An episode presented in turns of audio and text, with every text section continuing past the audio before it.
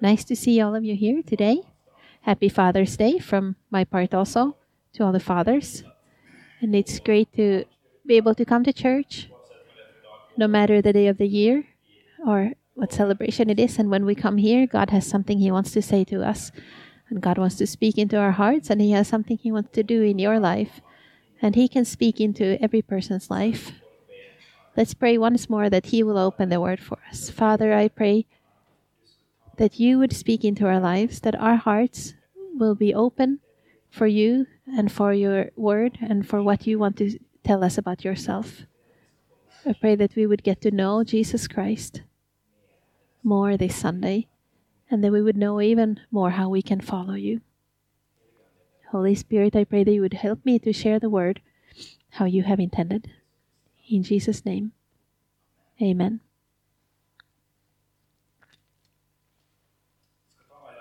We're going to speak today about a father who had two sons, um, since this is Father's Day. One of the greatest uh, uh, stories that Jesus uh, tells us, one of the most famous stories Jesus tells us, it's about the father who has two sons and what happens in their lives. And I think this can show us something about what God is like as a father to us when we are looking at this story. And I will start with reading the story. It's from Luke chapter 15, verse 11 to 32. It's a little bit longer of a, of a text at the same time, but I want to read this whole story. So it says Jesus continued There was a man who had two sons. The younger one said to his father, Father, give me my share of the estate. So he divided his property between them. Not long after that, the younger son got together all he had, set off for a distant country, country, and there squandered his wealth in wild living. After he had spent everything, there was a severe famine in the whole country, and he began to be in need. So he went and hired himself out to a citizen of that country, um, who sent him to his fields to feed pigs. He longed to fill his stomach with the pods that the pigs were eating, but no one gave him anything. When he came to his senses, he said, How many of my father's hired men have food to spare? And here I am, starving to death. I will set out and go back to my father, and I want to say to him, Father, I have sinned against heaven and against you. I am no longer worthy to be called your son. Make me like one of your hired men. So he got up and went to his father. But while he was still a long way off, his father saw him and was filled with compassion for him. He ran to his son, threw his arms around him, and kissed him. The son said to him, Father, I have sinned against heaven and against you. I am no longer worthy to be called your son. But the father said to his servants, Quick, bring the best robe and put it on him, put a ring on his finger, and sandals on his feet Bring the fattened calf and kill it, and let's have a feast and celebrate. For this son of mine was like dead, and he is alive again. He was lost and is found. So they began to celebrate. Meanwhile, the older son was in the field. When he came near the house, he heard music and dancing. So he called one of the servants and asked him what was going on. Your brother has come, he replied, and your father has killed the fattened calf because he has him back safe and sound. The older brother became angry and refused to go in. So his father went out and pleaded with him. But he answered his father, Look, all these years I've been slaving for you and never disobeyed your orders. Yet you never gave me even a young goat so I could celebrate with my friends.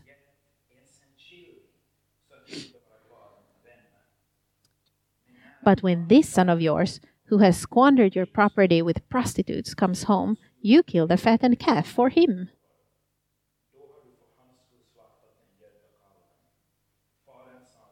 My son, the father said, You are always with me, and everything I have is yours. But we had to celebrate and be glad because this brother of yours was dead and is alive again. He was lost and is found.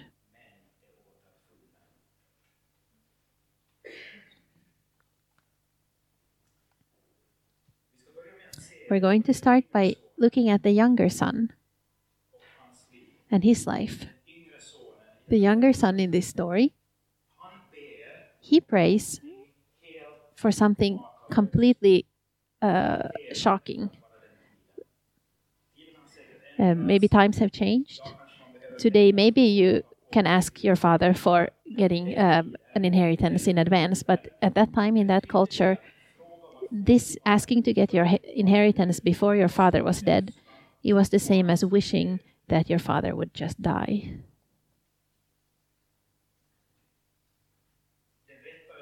The right reaction for the father in this time would have which would have been the normal thing and everybody would have son, said that this was right rightly done would have been to cast your son out and say get out i don't want to see you again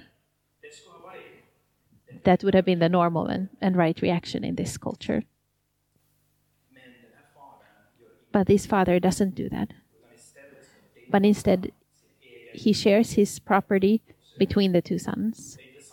And the interesting thing is that in Greek, there's not the word for, for property used, but another word that mean, means life is used. So he shares his life between the two of them. He shares everything he has between his two sons. So you could say that the younger son he had the attitude that I want my dad's things. But I don't care about my father. Just give me the money and the things, and I want to go. But already, when we see how the father reacts, and even though it was rude, respectless, and filled with shame to ask for something like this, he still does it. He divides his things between the two boys. And the younger son, he goes away, and he says he went far away so many people uh, end up far away from God. He goes far away, and he lived a life of luxury and and made used up all the money that he had got to feed the pigs when he was had no money left he had to feed the pigs and he wished that he could eat the food of the pigs that is as low as a jew could come at this time because for the Jews, the pigs were like unclean animals. They were not supposed to have anything to do with pigs um, or be close to the pigs. So he was on the on rock bottom. He was on the very bottom, as low as he could come. He comes to a place uh, of emptiness. Uh, his pockets were empty, his life was empty, but he also comes to a place of inner emptiness he doesn't have anything to show. He doesn't know who he is anymore. He has lost his identity because he's sitting there among the pigs and wishing he could just eat the pig's food. So the younger son, he describes the one way that many people can walk. Jesus was talking uh, in his time before he he talked these three uh, three different stories, three parables before he told these three stories here in, in Luke 15, verse 1, he says who he is talking to. So he says that now, now the tax collectors and the sinners were all gathering around to hear him. Jesus was called a friend of the tax collectors and the sinners because Jesus let the sinners come close to him no matter what people have done, no matter what, how they had been living, they were allowed to come close to him. And this is the group that Jesus is talking about here in the beginning of the story this younger son. Tax collectors and sinners, they were the people who did not, follow the religious rules. They lived uh, without morals. They did not live according to the standard and the moral rules that, that there were the people who said, I will live my life however I want, I live it for myself. Nobody should tell me how I should live. There is no right and wrong. Whatever I feel, what I feel is right, that's right for me. Everybody can do however they want. This is a way of living where you think that everything is about me. And the rules, there's not right and wrong in the world. There's just how can I find happiness? How can I be happy and content in whatever way I want to? That's the that's the one way that people can live. Everything is about yourself. And this word to to um, to make yourself great, to to make something of yourself. I am going to make myself uh, into something, and others people don't don't matter. Morals and rules um, don't really exist. Everything is allowed as long as it serves my purpose and makes me happy. And you can say that this younger son, he maybe thought that he was really living his best life. He was doing uh, things his own way. Where did he look for satisfaction and happiness? In money, things, luxury, to have lots of stuff. He was focusing on that. Give me my part of the inheritance, and I want to go. He wanted to have a lot of things, and he thought that this will give me a happy life. If I have the good things, maybe I have a position, maybe people look up to me. I am the one who is the biggest one at the party. I have something to give to everybody else. Other people look up to me. That's what he wanted to be. And he sought experiences, feelings. Isn't that our culture? to look for experiences and things that give us good feelings. You could get 10,000 impressions uh, in a second in your phone. Many people do like this man to go really far to look for excitement and happiness. But then one day you wake up and you still have this emptiness on the inside. Maybe you didn't use up everything uh, literally like this man did, but but the way that you have been looking for happiness can never satisfy you on the inside. On that way, you can never um, get peace on the inside. You got what you really wanted, and you came where you wanted to come, and you reached what you wanted to reach. Maybe you got your dream, maybe you got the position, but you feel the emptiness the person who reaches for a lot will always, when they have reached it, they want a little bit more because it can't fill the emptiness that you have on the inside. It's like in that song, I don't think it's a Christian song, but uh, the song, You Get What You Want, but You Don't Get What You Need.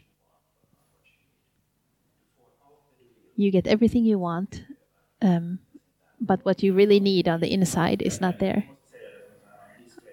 As a disclaimer, I am not a big sports uh, uh, fan. I don't follow sports very much, but so I just happen to remember this.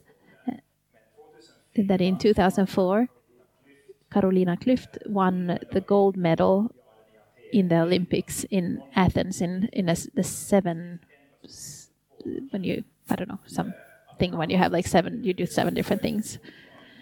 Um, and the time after that, she had struggled for this and she had worked hard for this for a whole part of her life. Her she has wanted to win, win the gold in the Olympics, and then she does it. She wins the gold. And the time after that, then the, the headlines in the newspaper. I don't remember when I never remember when I saw these headlines in the papers. After the gold came the emptiness. So you have been struggling and you got you're the dream of your life. Just to notice this doesn't satisfy me. This wasn't it. I thought this was it, but it wasn't it. And then you feel the emptiness. So this younger son in the this Bible story, when he has lived this life of luxury and he comes to the bottom, then he remembers his father. There when he's with the pigs, he remembers his son, his father and he notices something interesting. And here, with the pigs, I wish I could eat the pigs' food, but nobody gives me anything. The world can be a very hard and cold place. In the world, only what you can do and what you can show that you're good at um, is worth anything. Um, either you beat someone or you can beat it, you can get out of here. That's what valued in the world. And he noticed that nobody gives me anything. I am suffering, I am hungry, but nobody gives me anything. And then he remembered his father. And he said, Even the servants, the servants in my father's house, they have as much food as they need. So he realizes he has left a relationship, he has left a home where there was more than enough just to find this emptiness on the bottom. Let's now talk about the father. We have talked about the younger son. He shows us um, a life without morals where you're looking for happiness and it leads to emptiness. The father shows us a merciful and loving God. The younger father, the younger son makes a plan and he says that I will stand up and I will go back to my father, and I want to say to him, Father, I have sinned against heaven and against you. I am no longer worthy to be called your son. Make me like one of your hired men. So he's saying, I am not no longer worthy to be your son. That's how he feels the situation. He is very aware that he is a sinner. He has done things wrong. He has done things he shouldn't have done. But what is even harder for him than being a sinner is that he feels that he is not worthy. He's not worthy. The question we often ask ourselves is Would God want to have me as his child? I am like this and this. I have done this and this. I have such darkness on the inside. All these things that I have told nobody, these thoughts that I have, I am I am not whole, I am broken. Does God really want me as a child? I am not worthy. I am not worthy. But how does the father meet his son who has wasted all the money, a third of the inheritance? How does God meet every lost person who comes back to him? In verse 20, it said that while the son was still a long way away, his father saw him, and the father was filled with compassion for him, and he ran to his son. He threw his arms around him and kissed him. Did you know that in the Middle Eastern cultures, this was completely unthinkable? It was shameful for a man to be running, especially if you are a rich man who had a lot of property. It, you should walk slowly, like like you own the whole world. But his father doesn't care for one second. He doesn't care what people think or what people do.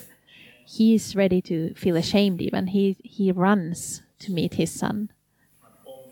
He hugs his son and he reaches out both his love and his forgiveness to him and he kisses him. There was not a second's doubt in the father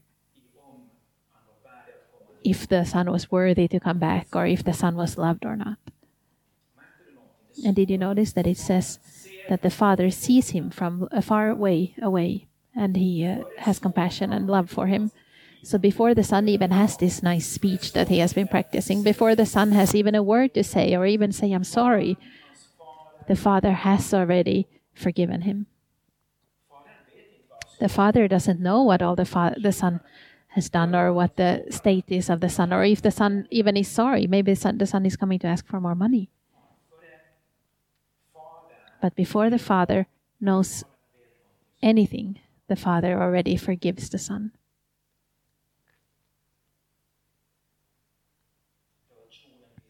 the relationship uh, is restored on the father's initiative not on the son's initiative the son is coming back but it's the father who is restoring the relationship.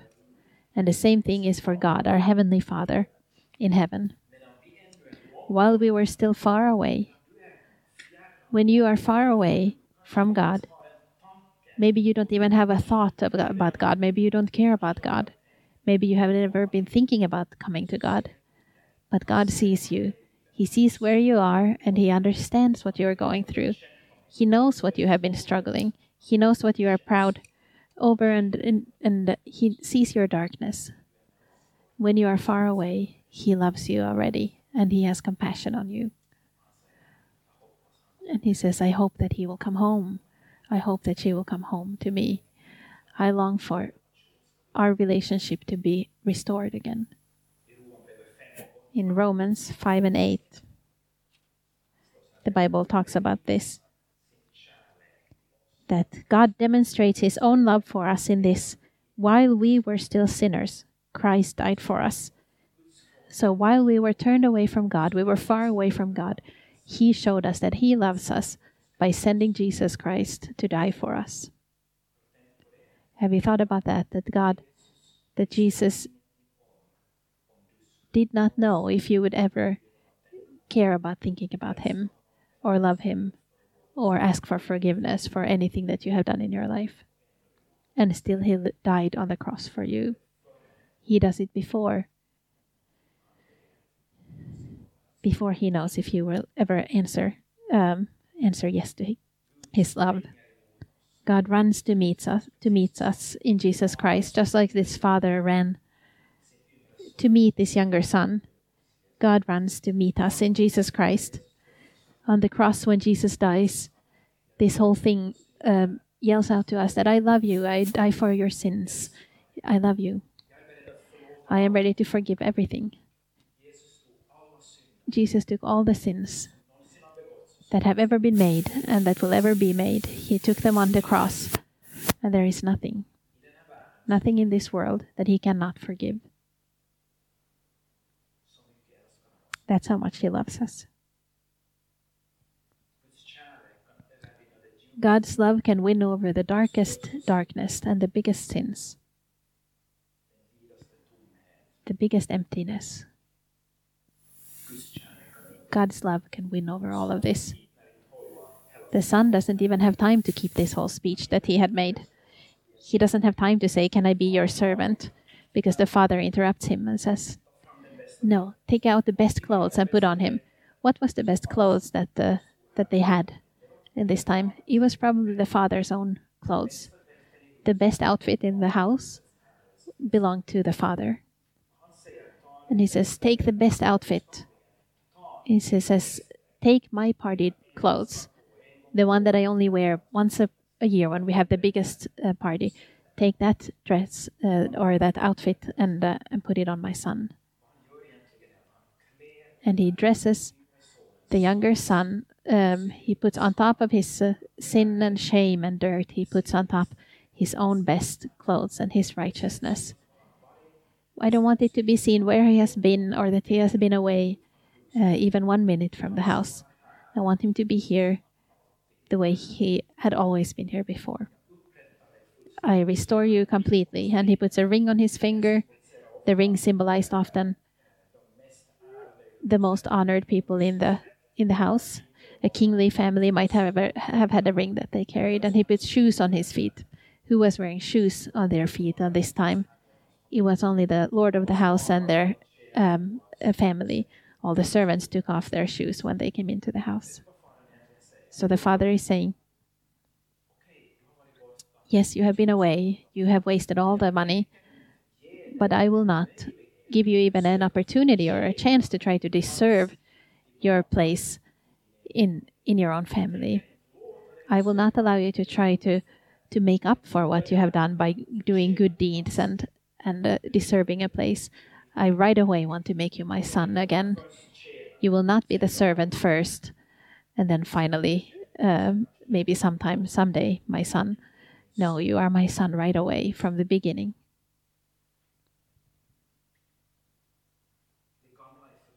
The old things are gone and the new things have come, the Bible says, right away. At the moment that we turn to God, we say that the old is gone and the new is here.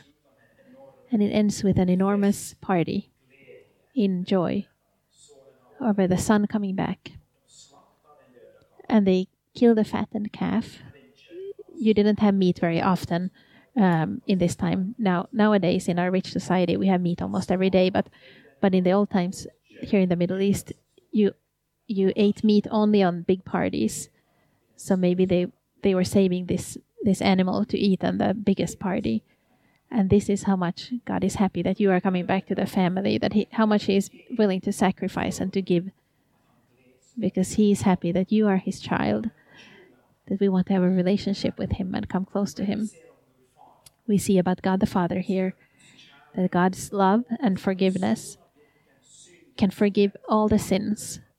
Any kind of person can be restored and and can come back to Him. It doesn't matter if you have killed somebody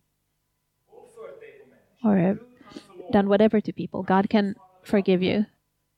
You might still have to go to prison, of course, in this world, um, and and make things right with society and and with the people you have done something wrong to. But God can forgive you the worst sins. Just like there was food uh, in abundance in the house for the son, there is grace in abundance for us. Sometimes this story uh, of the lost son is called in English the prodigal son, the the one who wastes things things. But who is it that you meet here? You meet the prodigal father, the father who has can waste uh, his grace and waste his love because he has so much of it. He can waste his love on the people who are sinners. He has so much love and grace that it doesn't matter. Come back. I will waste my love on you and you can be a son in my house or a daughter. But the story doesn't end there. This is important because so many times we preach maybe to hear and then we think that's enough. That God is so good and He's so merciful. But there is a third part here of the story as well, and that's the older son. That maybe sometimes we don't think about. We are so so moved by the love of the father and uh, towards the first son and this this older son, he is not happy when the younger son comes back. He hears that there's a party for his brother.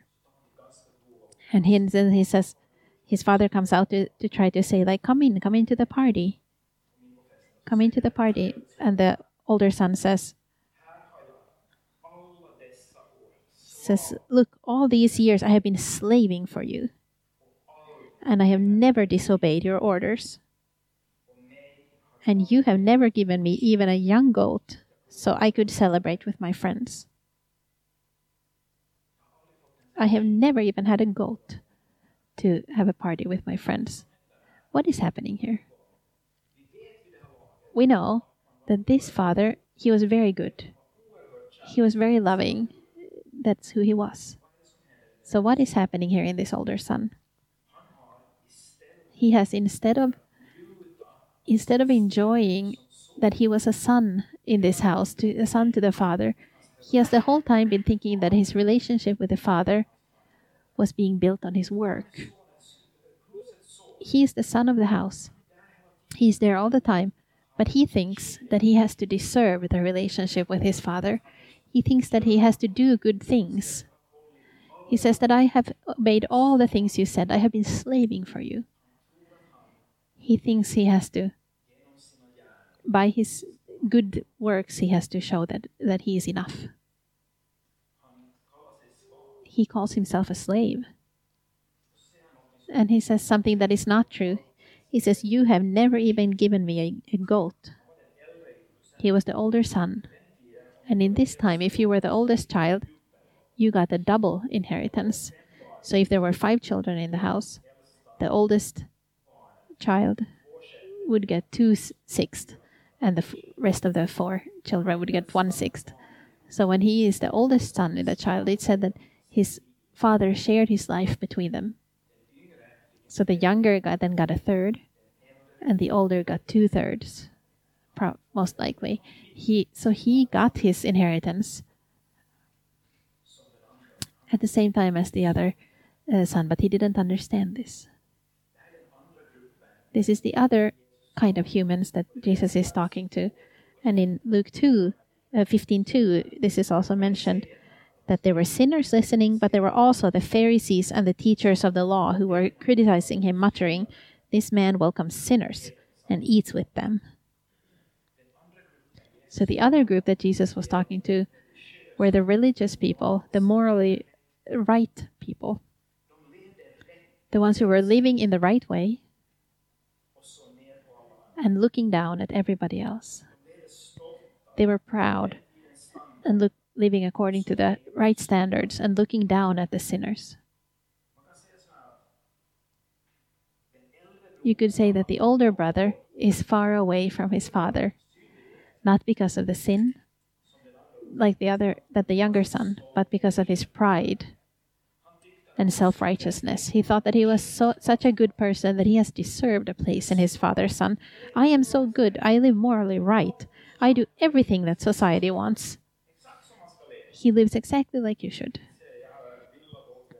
I have I have a house and a boat and a, and a dog and whatever it's called in Sweden. I have done everything to deserve um, good things. I live in the right way.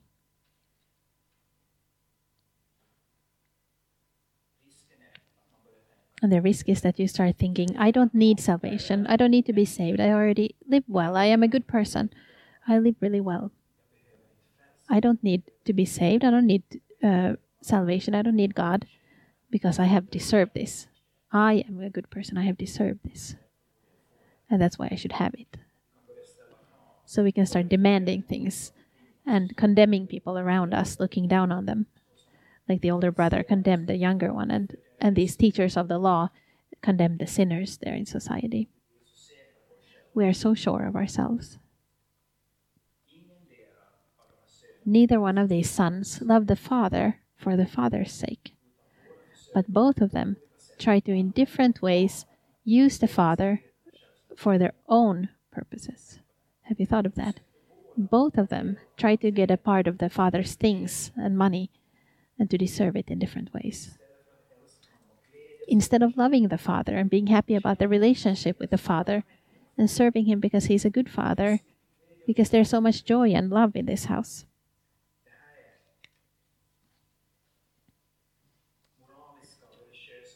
These are moral and uh, righteous people who are looking down at others.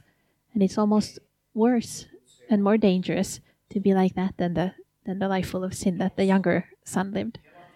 The ones who are always there and saying, I am living so right, I don't need God. Because in one way, you you tell yourself that everything is good.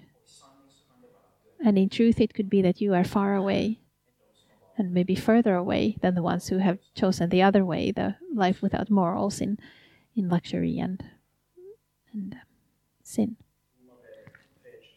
In Romans 3:23 it says that all people have sinned and fall short of the glory of God. When this time is over and when we are all standing before God, nobody will be able to stand there and say that I lived right. I was so good. I was so morally right. So I can come to heaven.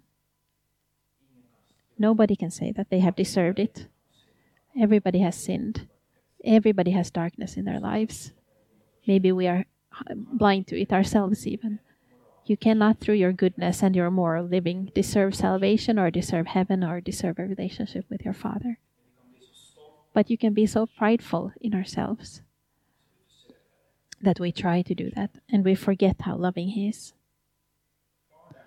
The father in the story, he could have been just as angry with the older son. The way he uh, spoke was uh, shameful, and the father could have sent him away. But again, we see what God is like in his in his love towards both older sons and younger sons and people who are in different ditches in life. He says, "My child, you are always with me, and everything I have is yours. Everything I have is yours."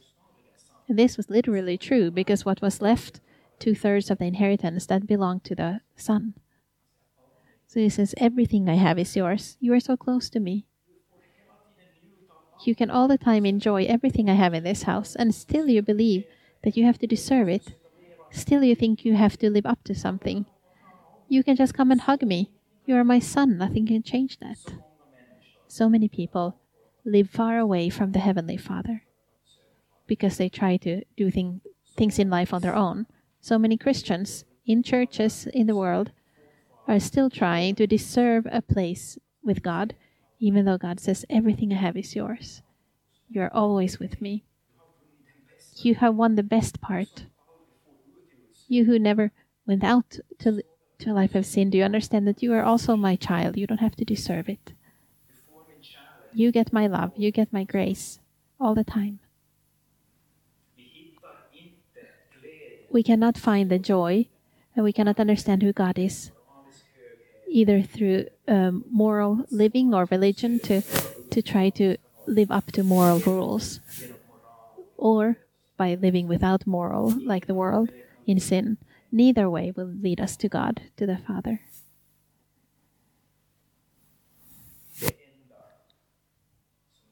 The only thing that can lead us to the Father is to say, God, I need you for you. I need to be saved. I need to be forgiven for my sins. And God will give it freely and with no price. It's grace. If you have felt like you're a slave, if you have felt like you're a servant, and things are difficult, it's difficult to be enough and to do the right thing. The Father calls you just as much as He calls the younger son. He calls you and He says, Come to me. I want to give you grace. You can be a God's uh, child freely. You don't have to do good things or try to deserve it or try to be my child. I just say that you are my child. Come into the joy, come into the party, the Father says. He invites all of us. All of us have done something wrong. And He says, Come back to me, come to the Father.